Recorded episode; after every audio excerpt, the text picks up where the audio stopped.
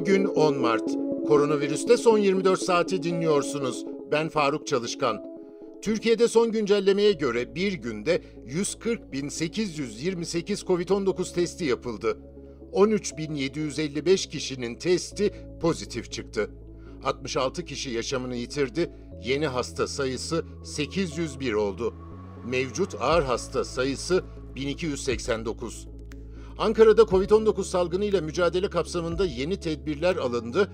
Ankara Valiliğinden yapılan açıklamaya göre yolcu taşımacılığı faaliyeti gerçekleştirmek üzere Ulaştırma ve Altyapı Bakanlığı'nca düzenlenen B1, B2, D1, D2 ve D4 yetki belgesi olan toplu taşıma araçları HES kodu sorgulanması zorunluluğu olmak üzere tedbirlere uymak kaydıyla ruhsatlarında belirtilen yolcu kapasitesi oranında yolcu kabul edebilecek. İl genelindeki terminal ve gar binalarında bulunan lokanta, kafeterya, pastane gibi yerlerde belirtilen tedbirlere uymak kaydıyla daha önce getirilen açılış ve kapanış saatlerine bağlı olmaksızın iş yeri açma ve çalışma ruhsatlarında belirtilen çalışma saatlerine uygun şekilde faaliyet gösterilebilecek.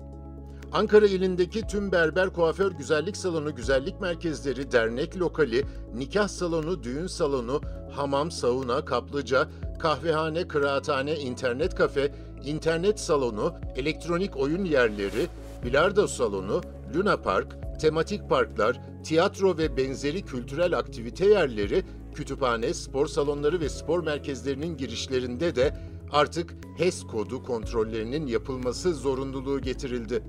İzmir'de de benzer tedbirlerin uygulanacağı açıklandı. Sağlık Sen Genel Başkanı Semih Durmuş, COVID-19 salgınıyla artan iş yükünden dolayı yorulduğunu veya çok yorulduğunu ifade eden sağlık çalışanı oranının %97,7'ye ulaştığını duyurdu. Durmuş, Memur Sen Genel Merkezi'nde COVID-19'la mücadele sürecinde sağlık çalışanları araştırmasının sonuçlarını açıkladı. Araştırmaya ülke genelinde 3718 sağlık çalışanının katıldığını aktaran Durmuş, araştırma sonuçlarının sağlık çalışanlarının çok zor bir süreçten geçtiğini, ağır çalışma koşullarının kişisel, aile ve sosyal yaşamlarını olumsuz etkilediğini ortaya koyduğunu belirtti. Şanlıurfa'da COVID-19'la mücadelede aşılama oranını artırmak için oluşturulan ekipler adreslerini belirledikleri 65 yaş üstü kişileri ziyaret edip onaylarını aldıktan sonra aşılamalarını gerçekleştiriyor. Eğer izniniz olursa 65 yaş üstü aşılamalara başlayacağız. Vali Abdullah Erin, salgınla ilgili oluşturdukları koordinasyon kurulunun her sabah durum değerlendirmesi yaptığını ve ihtiyaçlara göre anında karar alarak adım attığını söyledi. Şanlıurfa'da e, bizim nüfusumuzun yüzde altısı 65 yaş üzeri.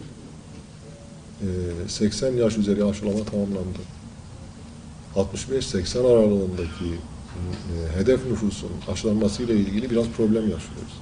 Ben bu vesileyle işte bütün Şanlıurfalı kardeşlerimize de bu e, mesajı da iletmek istiyorum. Bizim yaşlılarımız, bizim büyüklerimiz geleneksel olarak, e, dinimizin gereği olarak da e, en çok e, koruduğumuz, sevdiğimiz, örnek aldığımız büyüklerimiz. Onların yeri ayrı.